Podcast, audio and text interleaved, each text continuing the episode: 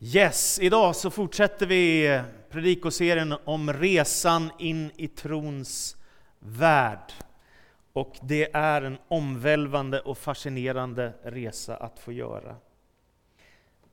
Det grundläggande är ju ändå frågan som vi alla ställer oss. Med alla de frågor som vi möter i livet så kokas det egentligen ner till en enda fråga.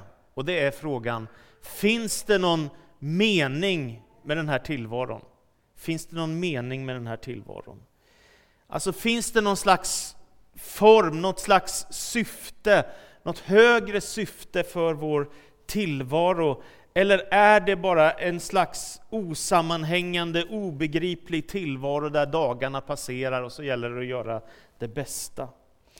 Den kristna tron beskriver den här världen som en meningsfull plats, som ett slags drama som pågår, en kamp mellan gott och ont. Och då är frågan, hur i hela världen ska man förstå den här berättelsen? Hur tar man till sig det som är evangeliet? Jag har roat mig med att läsa Bruce Springsteen, jag har läst lite rockmusiker här senaste tiden. Och Bruce Springsteen är en av de största rockmusikerna i vår tid. Han börjar bli gammal nu. Han har gjort bland annat sån här Born in the USA och sådana om ni har hört dem någon gång. Typ sån musik. Han har släppt 25 album som har sålt i 140 miljoner exemplar. Och hans fem mest kända sånger har spelats 1,7 miljarder gånger på Spotify. Musik betyder ju uppenbarligen väldigt, väldigt mycket för människor. Han växte upp på 50 och 60-talet i New Jersey och när han gör det så har han kyrkan precis intill sig. Han cyklar omkring och hela tiden så ser han kyrkan där han växer upp, nära sitt eget barndomshem. Och alla är också vana att gå till kyrkan, även han. Han får med sig den kristna tron redan ifrån barndomen. Och så finns den där trygga tron. Sen är det ett problem som uppstår i hans uppväxt. Han börjar på en katolsk grundskola, för det är hans vanliga skolgång. Och då är bekymret där i just den här skolan, att lärarna är väldigt, väldigt stränga. Och det gör att det blir en kris i hans liv, att han börjar distansera sig ifrån Gud, han börjar distansera sig från den kristna tron, och han backar undan och vill inte ha med detta att göra.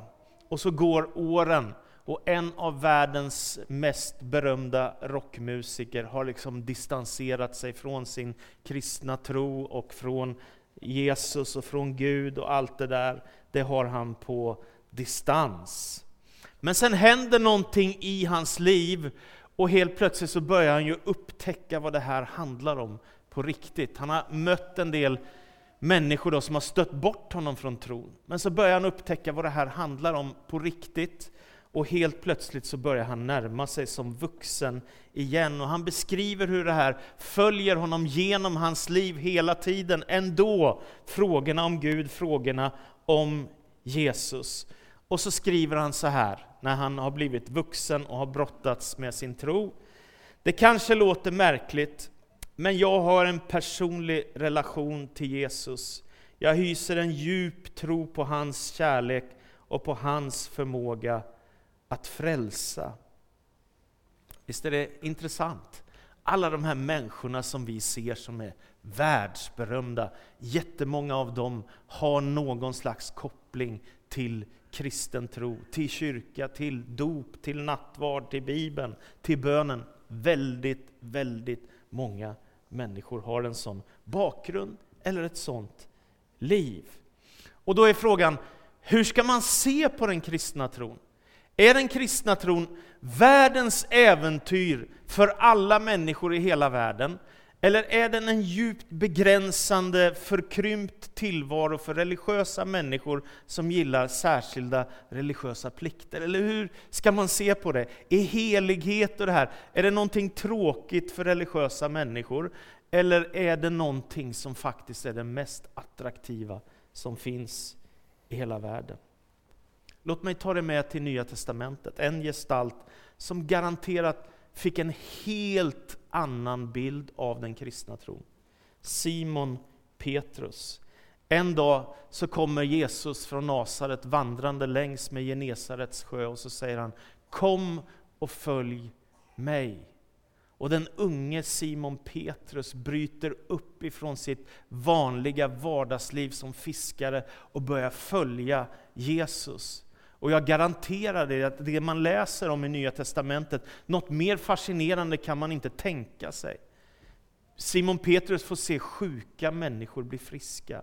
Han hör Jesus tala om Guds rike, om himmelriket, evigheten hos Gud. Han säger att Gud älskar alla människor och han ser hur Jesus bryr sig om fattiga och svaga och ensamma änkor och äktenskapsbryterskor och allt möjligt möter Jesus med en omvälvande kärlek och människor får sina liv förvandlade och människor i tusental kommer till tro på Jesus Kristus. Och inte nog med det, utan sen går det vidare att Jesus Kristus lider för vår skull och han uppstår ifrån de döda på den tredje dagen och Simon Petrus är en av dem som får se Jesus ansikte mot ansikte efter att han har dött och uppstått.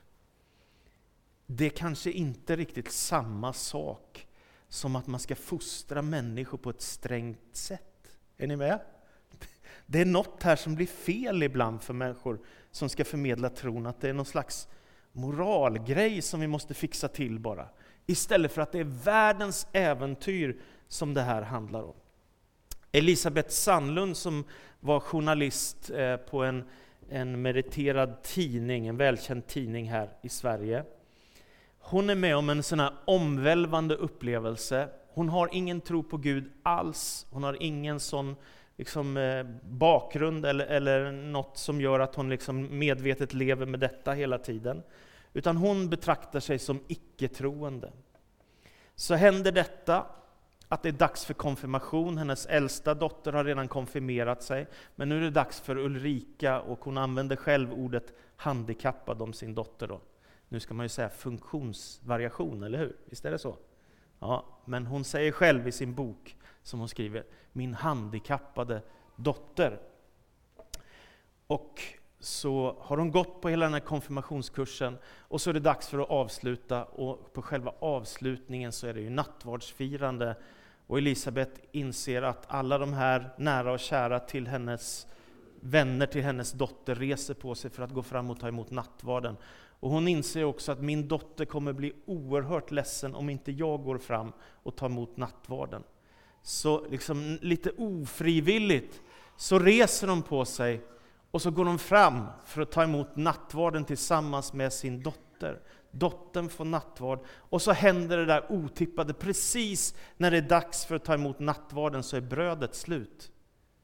Så hon blir stående där och så när hon står där i denna stund, precis innan hon som icke-troende ska ta emot nattvarden, Jesu Kristi blod och hans kropp för vår skull, så hinner hon tänka, jag står inte här för Ulrikas skull, min dotter. Jag står här för min egen skull. Det är inte för henne, det är för mig. Den tanken drabbar henne som ett knytnävslag, som en blixt från en klar himmel och helt plötsligt så inser hon, jag tror på Gud.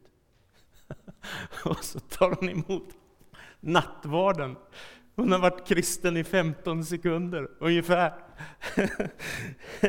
Annars brukar vi säga att du som tror, ta emot nattvarden. Hon har ungefär i 15 sekunder haft en tro på Jesus Kristus och en tro på Gud. Och det bara drabbar henne när hon inser, det är inte bara för min dotter, det är för mig. Så är det. Nu vill jag ta dig med till första Petrus brev kapitel 1 och från vers 1. Första Petrus 1 och 1 till 16. Då står det så här. Från Petrus, Jesu Kristi apostel, till de utvalda som lever skingrade som främlingar i Pontus, Galatien, Kappadokien, Asien och Betynien, utvalda enligt vår Guds faders plan, helgade av Anden och bestämda till lydnad och rening med Jesu Kristi blod.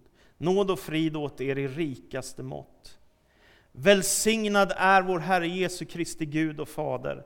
I sin stora barmhärtighet har han fött oss på nytt till ett levande hopp genom Jesu Kristi uppståndelse från de döda, till ett arv som inte kan förstöras, fläckas eller vissna och som väntar på er i himlen.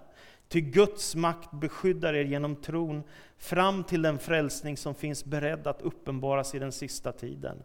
Därför kan ni jubla, även om ni just nu en kort tid skulle få utstå prövningar av olika slag, för att det som är äkta i er tro, och detta är långt dyrbarare än det förgängliga guldet, som dock måste prövas i eld, ska ge pris, härlighet och ära när Jesus Kristus uppenbaras. Ni har inte sett honom, men älskar honom ändå.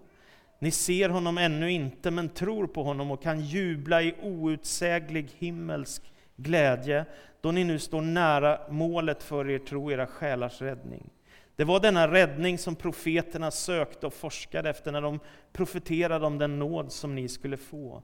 De ville utröna vilken tid och vad slags tid som Kristi ande i dem syftade på när den förutsade de lidande Messias måste utstå och den härlighet som skulle följa. Det uppenbarades för dem att det inte var sig själva utan er som de tjänade med sitt budskap. Detta har nu kungjorts för er av dem som i helig ande sänd från himlen kommit till er med evangeliet, detta som änglarna längtar efter att blicka in i. Var därför beredd att bryta upp och håll er vakna, sätt allt ert hopp till den nåd som kommer er till del när Jesus Kristus uppenbaras. Ni är lydnadens barn, låt er inte styras av de begär som behärskar er, men när ni ännu var okunniga, utan lev ett alltigenom heligt liv, liksom han som har kallat er är helig. Ty det står skrivet, ni ska vara heliga, ty jag är helig. Tänk dig vilket äventyr Simon Petrus har levt tre år tillsammans med Jesus. Nu ska han försöka berätta för människor som har fått bryta upp från sitt vardagsliv vad det är att vara kristen. Och jag ser framför mig, jag vet inte helt säkert, men jag, han skriver till de förskingrade i Turkiet.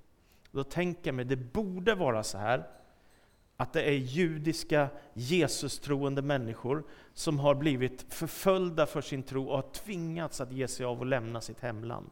Det är den tolkningen jag gör av den här texten. och Att det är de som är förskingrade, de har tvingats bort från sitt hemland för att de har kommit till tro på Jesus Kristus. Och förföljelsen drar igång, det kan man läsa när man läser Apostlagärningarna. Vad ska han nu säga till de här människorna? Alltså var det detta att tro på Jesus Kristus? Att du måste fly för ditt liv? Var det det som var den kristna trons konsekvenser? Och det första som Simon Petrus då påminner folket om, det är vad som har hänt i deras liv.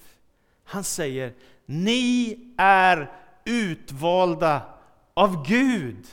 Det är fantastiskt. Ni är utvalda av Gud.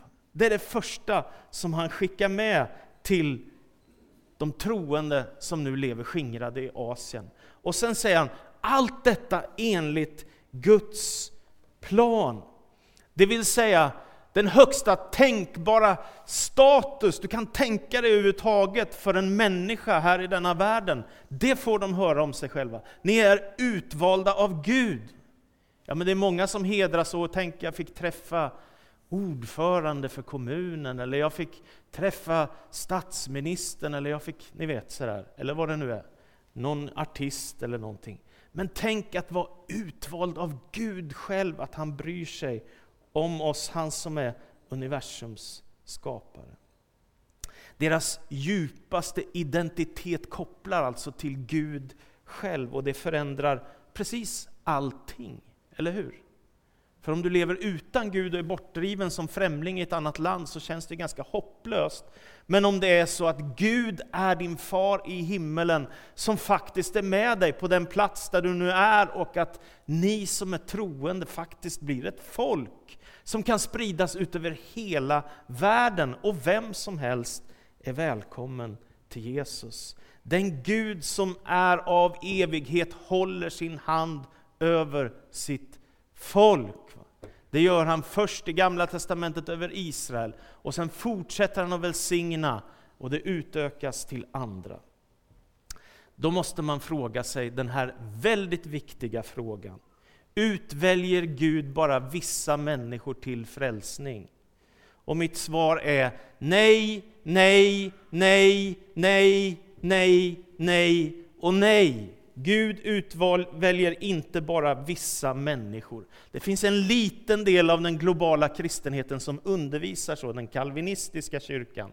Och här, på detta område är de mina fiender, annars är de mina trossyskon. Men här menar jag det är en djup feltolkning av Nya Testamentet. Varför då? Därför att första Timoteus 2 och 4 säger Gud vill att alla människor ska lära känna sanningen och komma till tro på Jesus Kristus. Gud vill det, att alla människor ska räddas. I Johannes 3 och 16, som säkert många av er kan, så står det så älskade Gud hela världen, att han gav den sin enda son, så att de som tror på honom inte ska gå under utan ha evigt liv. Gud älskar hela världen. Andra Korinthierbrevet 5 och 19. Gud försonade hela världen med sig genom Kristus och ställde inte människorna till svars för deras överträdelse, och han anförtrodde mig budskapet om denna försoning.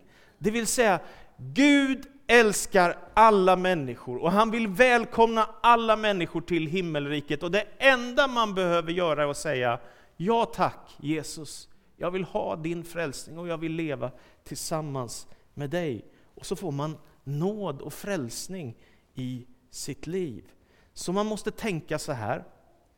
Världen går sönder efter skapelseberättelsen som finns ett syndafall. Världen går sönder, världen är brusten. Vad händer då? Jo, efter ett tag så utväljer Gud Abraham och så säger han till Abraham, genom dig så ska jag välsigna världen, alla folk ska bli välsignade genom dig. Du ska få ett land, du ska få en löftesson och ni ska bli ett stort folk. Så det är liksom från Abraham till löftessonen, till Israel, och vad händer sen? Jo, till hela världen. Det är det som är grejen. Så när man börjar tänka så här, men nu har han bara utvalt Abraham, då bryr han sig inte om de andra, men det är fel. Men nu har han utvalt Israel, så bryr han inte sig om de andra, men det är fel. Och nu har han utvalt vissa människor att bli frälsta och inte andra. Nej, det har han absolut inte. Utan det är som en, är ni med? Som en tratt som bara blir större och större och större. Och det är den kristna trons bekännelse. Va? Att Gud går från Abraham till Israel, till församlingen och till hela världen. Det är så man ska tänka om utvaldhet. Va? Gud vill att alla människor ska komma till, lära känna sanningen och räddas. Hur skapar då Gud ett nytt folk? Jo, men han gör det på nya sätt. Va? I Gamla förbundet gör han det genom omskärelsen och Israels folk har ett särskilt förbund med Gud. I Nya testamentet så är det dopet i vatten som gör att man blir en del utav Guds folk och man får en ny identitet. Jag har lämnat mitt liv i Guds händer och nu har jag gett det till Gud och till Kristus och nu ska han ta hand om mitt liv. Det är fantastiskt. Runar Eldebo som är författare, han har sagt så här, det här är att gå ut ur sin egen lilla värld in i Guds eviga rike. Du vet, du byter. Ut ur din egen lilla värld, in i Guds eviga rike. Det är ett enormt skifte som sker. Och när Simon Petrus har sagt det här till de kristna som är spridda i Asien, och som ju säkert kämpar för sitt liv som främlingar i nya länder. Så säger han i lovprisning, välsignad är vår Herre Jesu Kristi Gud och Fader, i sin stora barmhärtighet har han fött oss på nytt till ett levande hopp som genom Jesu Kristi uppståndelse till ett arv som inte kan förstöras, fläckas eller vissna och som väntar på er i himlen. Det nya livet i Jesus Kristus innebär ett levande hopp. Ett levande hopp. Och därför predikar den kristna kyrkan hoppets teologi. Han säger det finns ett arv. Det finns ett arv.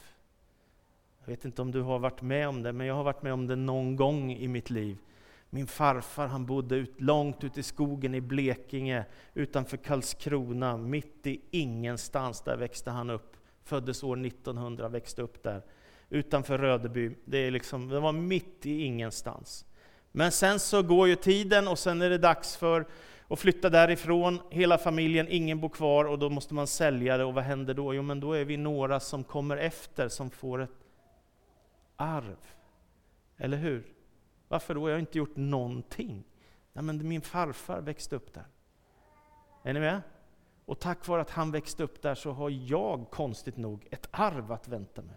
För hans skull. Visst är det märkligt? Men så är det. Så är det med, oj, så är det med eh, arvsrätt. Och här säger Simon Petrus, ni har ett himmelskt arv som väntar er. Ni har ett himmel. Varför då? Därför att ni har blivit Guds barn genom tron och dopet. Så har ni blivit Guds barn. Då finns ett himmelskt arv som väntar er. Och vad är det för arv? Ja, då säger han det är ett arv som inte kan förstöras. Det här kan man förstöra arv, eller hur? Det går och det, vi ser ju det, kriget just nu. Hur många tusentals hus som är förstörda och arven är förstörda. Men här finns ett arv som inte kan förstöras. Därför att det bygger på att Jesus Kristus har segrat på korset, uppstått ifrån de döda. Simon Petrus har sett honom ansikte mot ansikte. Han vet att Jesus är uppstånden. Han har ju mött honom. Och det är därför han kan säga, det finns ett arv som inte kan förstöras, som inte kan fläckas eller vissna. Det förändrar allting. Det är som att en hisnande vy går upp för de kristna som lever, som jag tänker måste varit rätt så rädda och oroliga. Hur ska det gå för oss nu? Vi var tvungna att lämna våra länder på grund av förföljelse. Men så säger han, ni har ett arv som väntar er i himlen. Och så lägger han till Guds makt beskyddar er. Guds makt beskyddar er. Det är också oerhört tröstande att veta. Är jag ensam när jag måste fly för mitt liv? Nej, Gud är med mig. Är jag ensam om jag går igenom prövningar och svårigheter? Nej, Gud är med mig. Är jag ensam när livet är väldigt, väldigt svårt och man går igenom sorger och svårigheter? Nej, Gud är med mig och dig, eller hur? Det är det som gör all skillnad och det är därför han kan måla upp en gigantisk bild av vad det är att vara kristen. Så han ställer det som kontraster. Här är den förgängliga världen, allt vi har här kommer och går, allt är förgängligt. Det ställs i kontrast mot det eviga som Gud har förberett för alla som tror och för alla som vill ha med Jesus att göra. Det är nästan en brutal kontrast när man ställer Guds löften mot en trasig värld. Fantastiskt. Vi väntar på Guds rike, vi väntar på nya himlar och en ny jord och Guds makt beskyddar oss till den dagen. Sen brister han ju ut i glädje. Det är det jag älskar med det här. Va? Här, talar, här talar Petrus om helighet och lydnad och, och att följa Jesus. Och sen så kopplar han samman det med en outsäglig himmelsk glädje. Visst är det vackert? För ibland så framställs ju helighet, att söka det där som har med Gud att göra, som något urtråkigt för religiösa människor. Men Petrus kopplar samman det med glädje. Och det är inte vilken glädje som helst, utan det är en outsägligt rik glädje. Därför säger han då, därför kan ni jubla, även om ni just nu skulle få utstå prövningar av olika slag för att det som är äkta är er tro, och detta är långt dyrbarare än det förgängliga guldet, som måste prövas i eld, ska ge pris, härlighet och ära när Jesus Kristus uppenbaras. Simon Petrus förstår vilka prövningar som hans trosyskon har gått igenom, att de måste fly sitt land, att de är främlingar i Asien, antagligen är det annan kultur, annat språk, annan livsstil, annan mat, säkert massa olika saker. Och ändå så tillhör de Gud och har sin trygghet i honom. Som pastor så får man se en hel del av lidande. Man får också be för människor, men, men så är det. Man får sitta vid sjukbäddar. Man, jag har stått i, man säger jag har stått i flyktingläger, sett tusentals människor som bor i enkla tält. Jag har sett människor som sitter i fängelse på grund av att de är flyktingar. Jag har mött människor som har hamnat på psyket för att de mår så förfärligt dåligt. Jag har haft många begravningar. Jag vet en del om mänskligt lidande. Jag har sett det och jag har själv också ibland gått igenom det. Och ändå så säger Simon Petrus att fast livet kan vara så här, så kan vi jubla i outsäglig himmelsk glädje. Ja, för mig är det liksom Yes! Du har vunnit högsta lotten. Grattis om du har vunnit på Lotto. Men du har vunnit något mycket högre än så genom relationen till Gud. Du tillhör honom som har skapat himmel och jord. Och så börjar en slags gigantisk panoramabild av vad det är att vara kristen dyka upp för ditt inre. Och jag ser de här enkla kristna på flykt i Asien, att de ser en vision över sitt liv, en gudomlig vision, att Gud har förberett ett rike som är av evighet för alla som tror. En av de här, jag för mig att Fanny Crosby, som skrev många sånger, var blind. Visst var det så? Är det någon som minns det? Jag tror att det var så. Ändå skriver hon den här sången Blessed assurance, Jesus is mine. På svenska, saliga visshet. Jesus är min. Det är vackert. Det är så fruktansvärt vackert. Saliga visshet, Jesus är min. Vad är det för perspektiv på livet då? Jo, lidandet varar en tid, evigheten ska aldrig någonsin ta slut. Det ställs i kontrast. Eller Paulus säger samma sak, våra kortvariga lidande väger lätt jämfört mot den eviga härlighet som Gud har förberett för dem som tror. Därför är den kristna tron oändligt dyrbar, kan inte jämföras med något annat. Det är verkligen det högsta goda, den högsta vinsten, det största som en människa kan tänka sig. Som, Pet, eller som eh, Pet, Simon Petrus säger, det är långt dyrbarare än guld. Långt dyrbar än guld.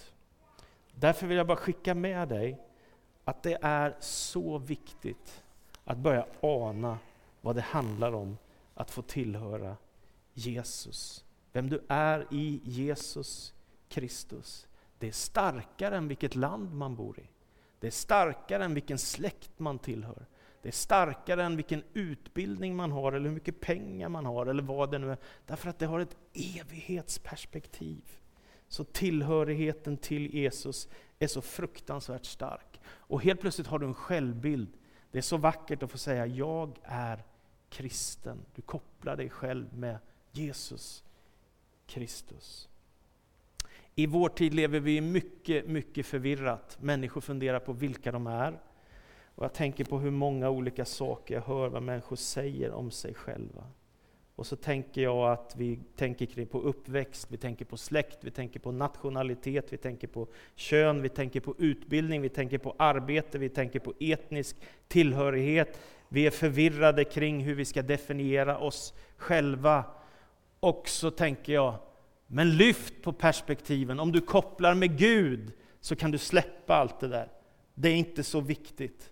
Och Jag kommer ihåg att jag hade en sån där jag hade en sån här vånda i mitt liv när jag gick och grubblade på liksom, i min tjänst, är jag en evangelist eller är jag en teolog? Eller vad är jag för någonting? Liksom, jag trivs ju både med de här som vill vinna människor för Jesus och de som sitter och grottar i djupa böcker. Vem är jag? Vilken konstig person jag är. Och så möter jag Hans Johansson som då var min mentor, som nu är hemma hos Jesus. Och så säger jag det här till honom. Och så säger han så här, det är inte viktigt. Jag har sett att du älskar Gud och det är viktigt. Jag har aldrig mer tänkt på det sen. Jag bryr mig inte om det. Det är inte viktigt. Är ni med? Vad är det som är viktigt? Jo, men jag, jag älskar Gud av hela mitt hjärta, av hela min själ och hela min kraft. Det är mitt liv. Det är viktigt.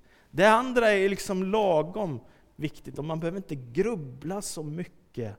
Du är Guds avbild, du är skapad till Guds likhet. Du är en ny skapelse i Kristus genom tron och dopet i vatten. De löften som finns i Bibeln har fullbordats i Jesus Kristus.